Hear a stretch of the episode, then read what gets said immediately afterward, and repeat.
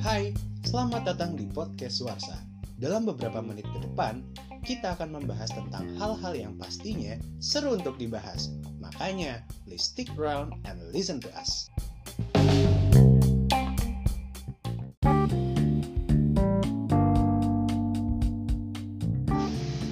Assalamualaikum warahmatullahi wabarakatuh. Waalaikumsalam warahmatullahi wabarakatuh. Asik. Akhirnya nih podcast Warsa rilis pertama kalinya. Pada episode kali ini kita kedatangan ketua dan wakil dari BEM FEB UPNVJ tahun 2020 dengan Mas Habibi dan Mas Rio. Apa kabar kalian berdua? Kalau Fariza baik nih. Baik gua alhamdulillah. Gimana tiga bulan ini? Adakah yang berubah dari kalian? Gendutan kali gue ya. Gendutan, Kalau gua naik 2 kilo dong sih. Naik 2 kilo. Eh, gak ada gendut-gendut. Gak ada gendut-gendutnya kayaknya nih. Gak apa-apa bagus. Nah, eh, kalau misalkan dari Instagram nih kan, kan banyak tuh eh, orang-orang pada entah mungkin gimmick-gimmick produktif atau sok produktif. Nah, apakah kalian produktif juga selama corona ini? Ehm, ya gua gua akuin aja sih lebih mengurang produktif gua Lebih mengurang tuh. iya Kenapa emang? ya gimana ya tubuh gua jarang gerak jadinya di rumah terus Wah, kebanyakan dengerin rapat pegel juga badan emang rapat online gak menghabiskan kalori lu? Kali kan nggak mikir jadi ngabisin cemilan dulu di rumah ngabisin ngabisin cemilin ya. iya cemilin Milun. Kalau Bang Habibie gimana nih, Bang? Kalau gua pribadi sih ya sama sih kurang lebih sama Rio tapi beda tadi. Rio bilang kurang gerak. Kalau gua di rumah malah gua sering disuruh-suruh sama nyokap bokap gua gitu. Disuruh ke apotek, disuruh pasar, beli ini beli itu. Jadi ya cuma dialihin doang. Yang tadinya gue gerak di kampus naik tangga sampai gue capek ya kan. Terus juga turun tangga juga nah dialihin nih di rumah gue jalan kaki ke Alfamart, Indomart beliin ya suruh-suruh nyokap gue lah kayak gitu sih paling. Samanya kok paling kurang lebih sama kayak Rio juga rapat Jadi kalau yang biasanya diminta tolong buat beli apa pun tuh mager ya. Kalau ini jadi menyenangkan ya. oh Oke. iya ah, kayak gitu kurang Berarti- kayak gitu Oke. Ini kan berarti kita sekarang tuh di masa PSBB ya? Atau udah PSBB sih sekarang? New normal ya? kayaknya udah new normal katanya kan new normal Berarti eh, kita di tahap transisi untuk menerapkan PSBB ini ya. ya Nah, eh, status kalian berdua nih, asik status gak tuh? Kan sebagai ketua dan wakil dari BMFB ini, belum kawin status beda masih lama.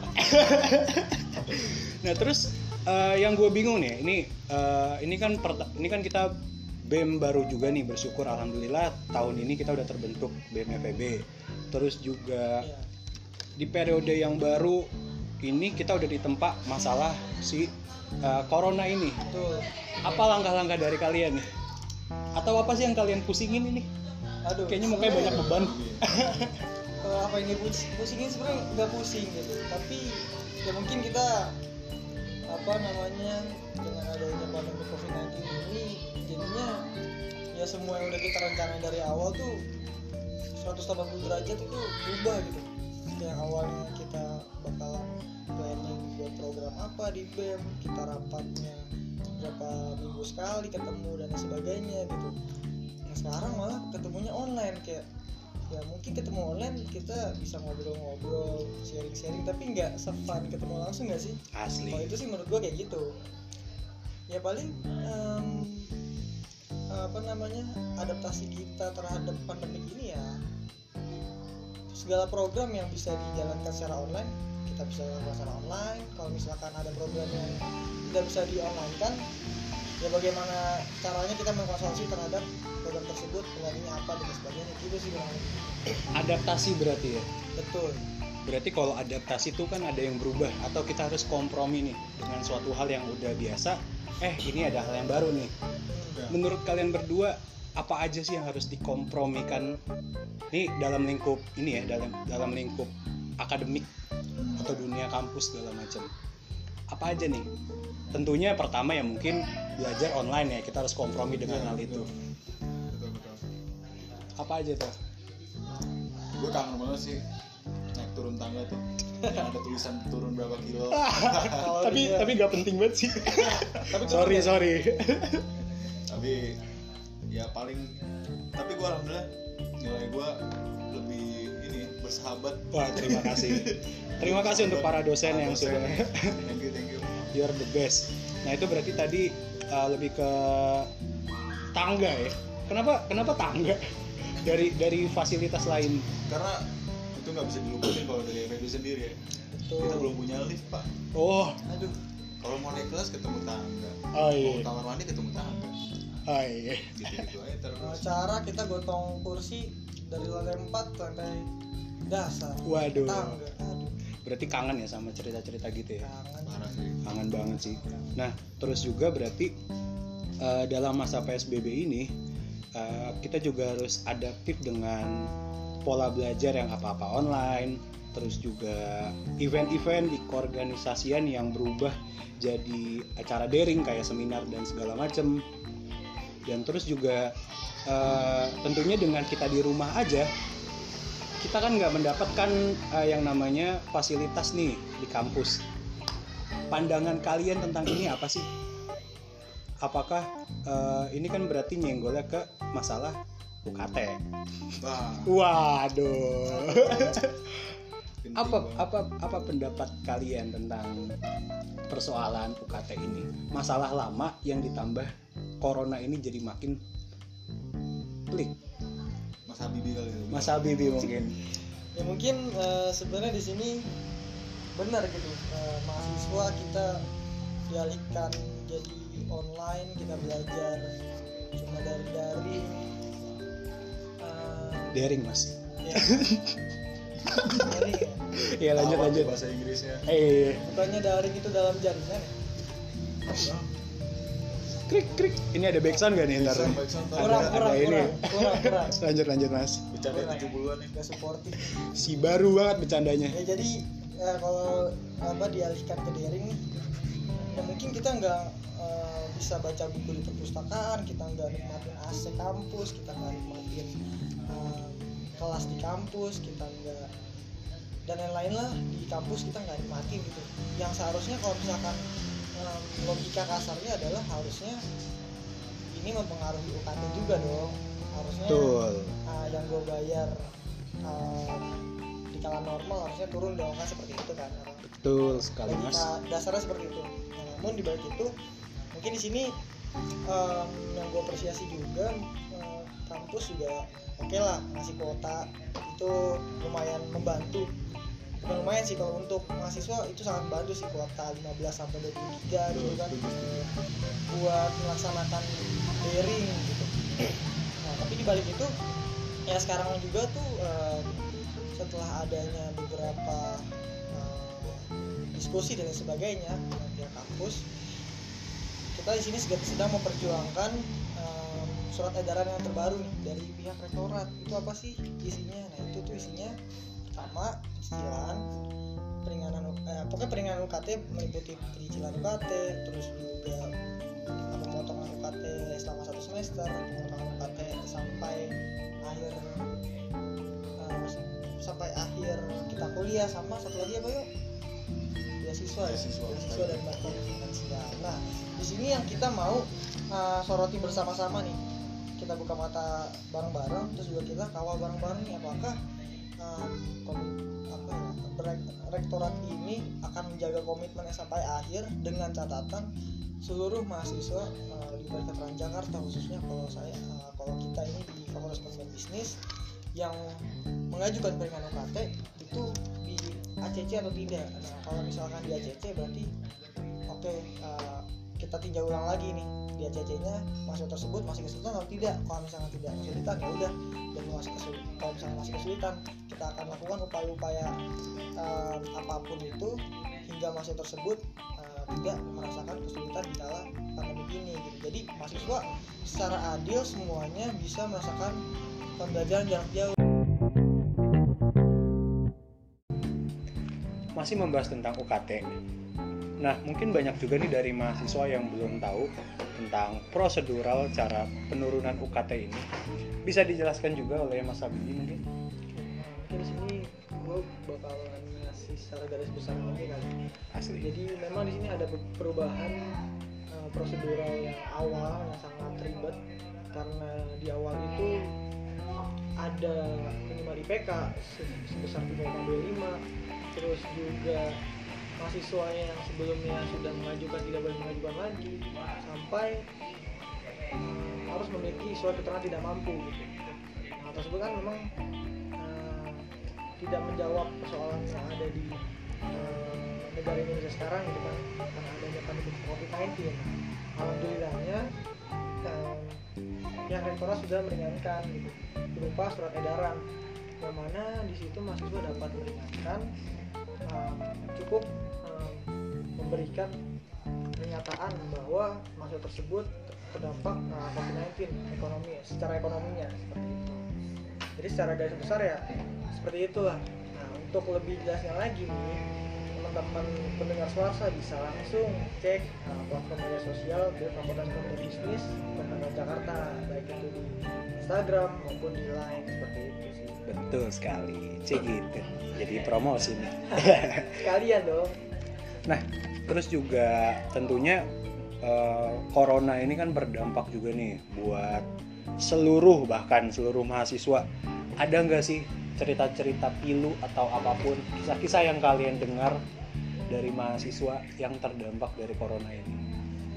Oke, kalau gue mungkin nggak nggak bakal cerita sedetail mungkin lah ya, Betul, atau gue juga nggak bakal buka identitasnya sendiri. betul, Sorry nih, rumah lagi rame, banyak motor keliling. betul. Wajarin aja ya teman-teman Suarsa. Oke, eh, banyak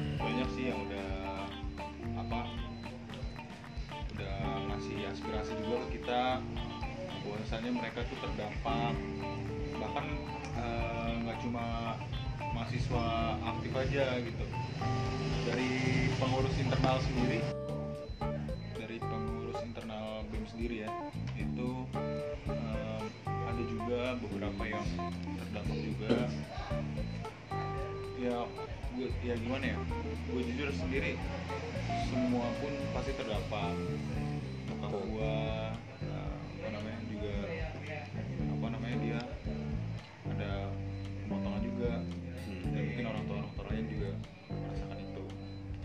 ya alhamdulillahnya sih. Eh, waktu itu gue sempet shock juga sih. Ketika univ-univ lain tuh univ-univ lain tuh kayak gue sebut aja ya. Kayak di UGM terus juga di IPB terus juga di eh, apa namanya Universitas Gorontalo dan beberapa universitas gue lupa. Itu diapresiasi oleh Kemendikbud karena telah gerak duluan nih terkait peringanan UKT ini Oh ya, Iya. Nah itu gue langsung nanya ke ke temen gue yang kebetulan eh, ngampus di situ dan dari jawabannya memang nggak se apa namanya nggak semudah itu ya untuk peringanan UKT ya kayak betul. kita ngajuin terus eh, istilahnya ngajuinnya juga tanpa berkas gitu Hmm. terus tiba-tiba di ACC untuk pengajuan karena ya balik lagi mungkin gue ngambil kata-katanya Pak Pras ya. Bahwasanya ya namanya perkantoran itu ada yang namanya BPK Badan Pemeriksa Keuangan. Nah Badan Pemeriksa Keuangan ini yang nantinya me- melihat nih berkas keuangan dari eh, universitas itu sendiri gitu. Ya makanya mungkin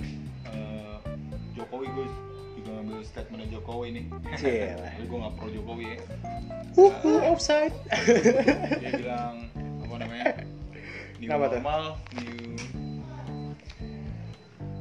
ya dia istilahnya dia lagi mengkat birokrasi yang tadinya ribet jadi ya ini new normal ini gitu Ah. Dipersing, dipersingkat sama dia gitu Hmm. ya kita lihat aja lah ya semoga sampai sekarang sih kita dari BMFB sendiri masih terus up gitu Hmm. Uh, dan kita juga berharap ya s- semua yang mengajukan itu harusnya mendapatkan haknya untuk melakukan peringanan UKT gitu loh karena ya gimana ya kalau soal terdampak semua terdampak dong Asli, Iya kan? asli, asli. semua terdampak tapi ya soal siapa yang mau mengajukan dan yang tidak mau mengajukan itu hak pribadi orang-orang begitu dong Betul. itu paling Oke, berarti untuk eh, kisah kasih tentang yang terdampak dari UKT ini, semut corona kisah- inilah ya. semut kali kita kasih Iya elah. Eh, ya banyak cerita lah tentang eh, orang-orang yang atau semua yang terdampak dari corona ini. Entah mungkin dari UKT atau dari penghasilan sih lebih Iya. tepatnya lebih ke penghasilan. Dan semoga juga eh, cepat disudahkan ini kita balik ke normal yang biasa ya, bukan new normal ini. Terus juga berarti tadi mengutip nih kata-katanya Bang Habibie tentang adaptif. Berarti dalam hal adaptif ini kan ada yang berubah juga kan atau penyesuaian. Nah, kalau dari proker-proker BEM FEB sendiri, adakah penyesuaian? banyak banget Wah, bilang di awal eh, apa namanya ada yang program yang tadinya harus dijalankan secara tatap muka malah dijadikan di online kan gitu kan Contohnya apa? Hal yang paling lumrah belakangan ini webinar Webinar. kita gabut webinar yuk Webinar. Tapi itu berguna banget sih, Parah. asli. Webinar itu edukasi di rumah kan yang biasanya orang mager kan datang seminar, ini bisa sambil rebahan juga. malah semangat Semangat kan. Lanjut lanjut. Kenapa tuh? nah ya gitulah gue sendiri sih jujur eh, masih masih berat hati nih buat ngejalanin new adaptif ini gitu. Loh gue masih belum bisa beradaptasi tuh. Ya walaupun harus tetap di jalan kayak Harus. online Ah, gitu gitu tapi gue ngerasanya ya jujur kalau di rumah kayak aduh dan gue diem aja ini. Makanya makin gempal aja ini gue lanjut lanjut. Terus? Abibi gimana?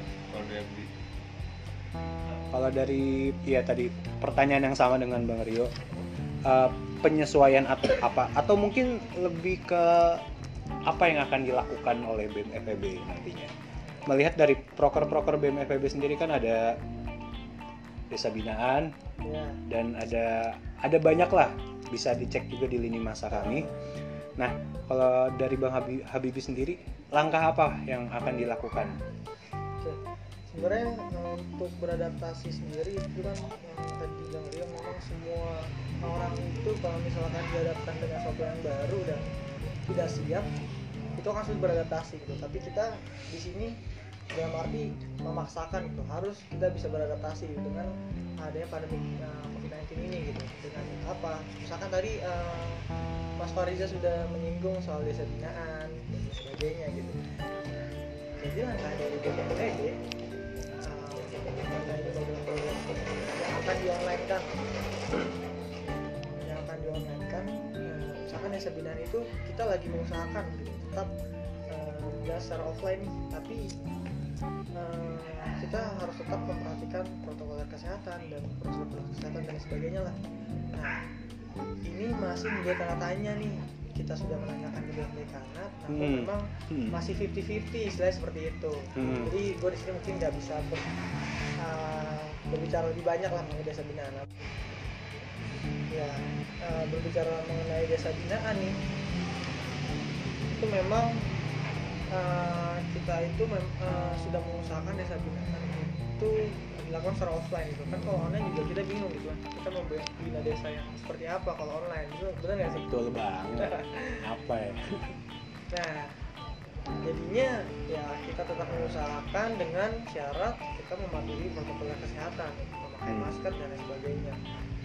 Nah, namun eh, di saat kita memang harus juga mengkoordinasikan hal tersebut dengan pihak dekanat nih, kita dari pihak dekanat juga masih belum tahu jawabannya 50-50 gitu. Apakah bisa diadakan seperti itu atau enggak? Nggak bisa. Kalau misalkan nggak bisa pun berarti terpaksa kita harus cut seperti itu mas mungkin eh, contoh lainnya adalah misalkan eh, perlombaan akademik dan non akademik yang tadinya misalkan perlombaan akademik seperti lomba debat itu secara langsung terus juga ada lomba KPI dan sebagainya itu secara langsung juga pemaparan ya. Namun eh, kemungkinan besar akan dialihkan secara online. Terus juga lomba non akademik yang tadinya ada lomba futsal lomba basket itu kan nggak mungkin basket online bener nggak sih? Hmm. Nah, jadinya ya kita beralih, oke lah kita lihat nih game online yang mana sekarang anak-anak muda lagi main ini di kala pandemik ini jadi ya udah kita ngambil segmennya itu adalah e-sport seperti itu. E-sport. betul Oke.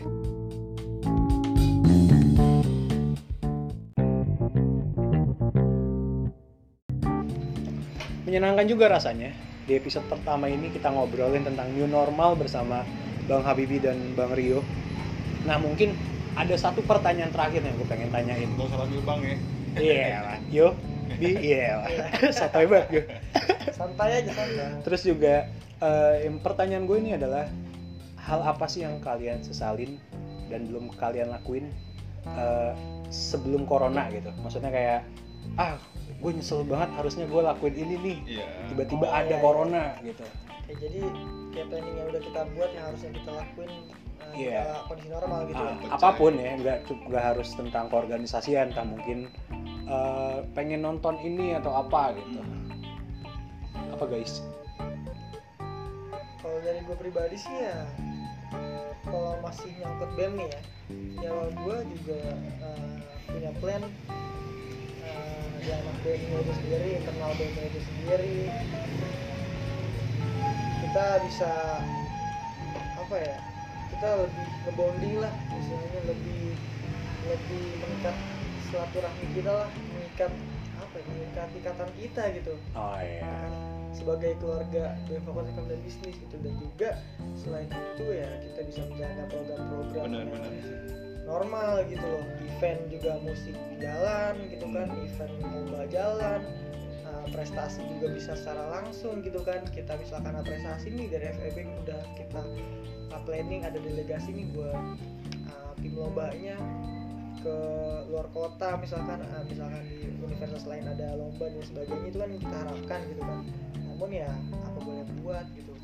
Nah itu kalau dari sisi BEM-nya gitu. Kalau dari sisi nah, kehidupan se- sehari-hari sebenarnya gimana ya mungkin lebih ke kangen aja gitu ke kangen Kangen nonton bioskop kayak dengar suara bilang aja kangen bucin kangen bucin bilang kangen bucin yuk Kayak akuin gitu. yuk emang ya kita kan nonton bioskop sama siapa aja mas ya udah Gitu berarti kan.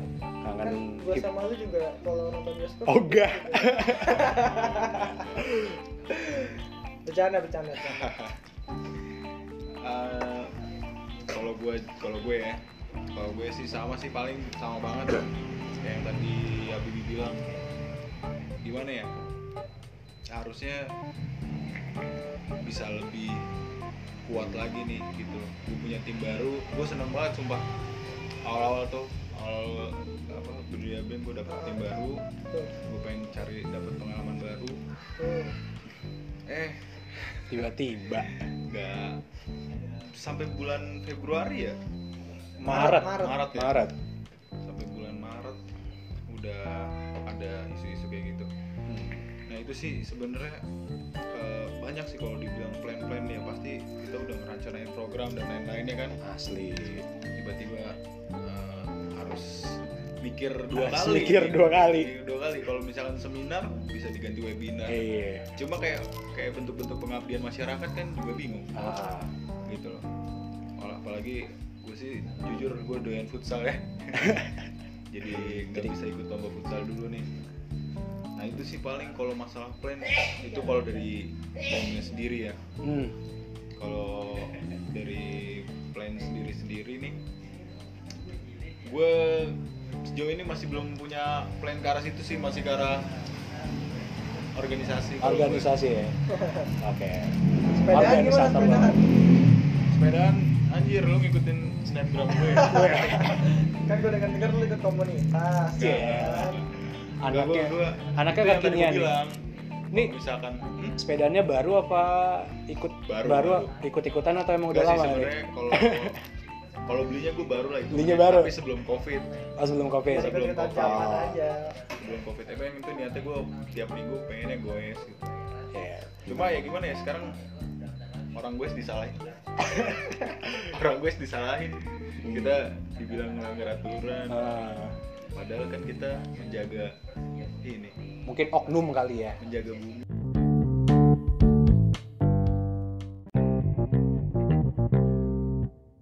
Paling kalau gue sejauh ini masih organisasi sih fix. Masih organisasi ya. Organisator banget emang nih orangnya. Ini bang organisasi. Iya deh paham abang doang yang organisator. Iya. Nah terakhir juga nih pengen nanya. Bisa dong satu kata buat corona ini. Apa pun. Satu kata ya bukan kalimat ya. Apa ya? Push gue udah bete banget di rumah. benci banget ya. Asli Gila. asli. Gue pengen ngampus lagi ketemu dosen asik Salim. asik. Mau nggak ya dosen Salim ya? Ya lagi covid kayak gini. Kalau Bibi gimana nih? Apa ya menghilanglah. Menghilang lah kayak anak senja gue iya. Rocket rockers lo Dasar. menghilang lah hari kelas mana ya? Iya apaan Mirip nggak sih? Udah lah ya. Jauh lah. Kayaknya udah ke mana-mana nih obrolannya. Kayaknya asik ya obrolannya ya. Sama. asikin aja. Lah. Semoga nggak bikin bosen apa suarsa ya. Suarsa. Terima kasih untuk Bang Habibi dan Bang Rio udah bersedia Sama-sama nih. sama-sama Fariza dan dan hati Fariza dan teman-teman suarsa Asik. Dan juga terima kasih untuk para pendengar Suarsa tetap mematuhi protokol kesehatan PSBB ini dan juga jangan kebanyakan nongkrong juga nih. eh. iya banyakin Asli. mandi Banyakan mandi, banyak mandi. Ya udah, terima kasih dan nantikan episode-episode berikutnya.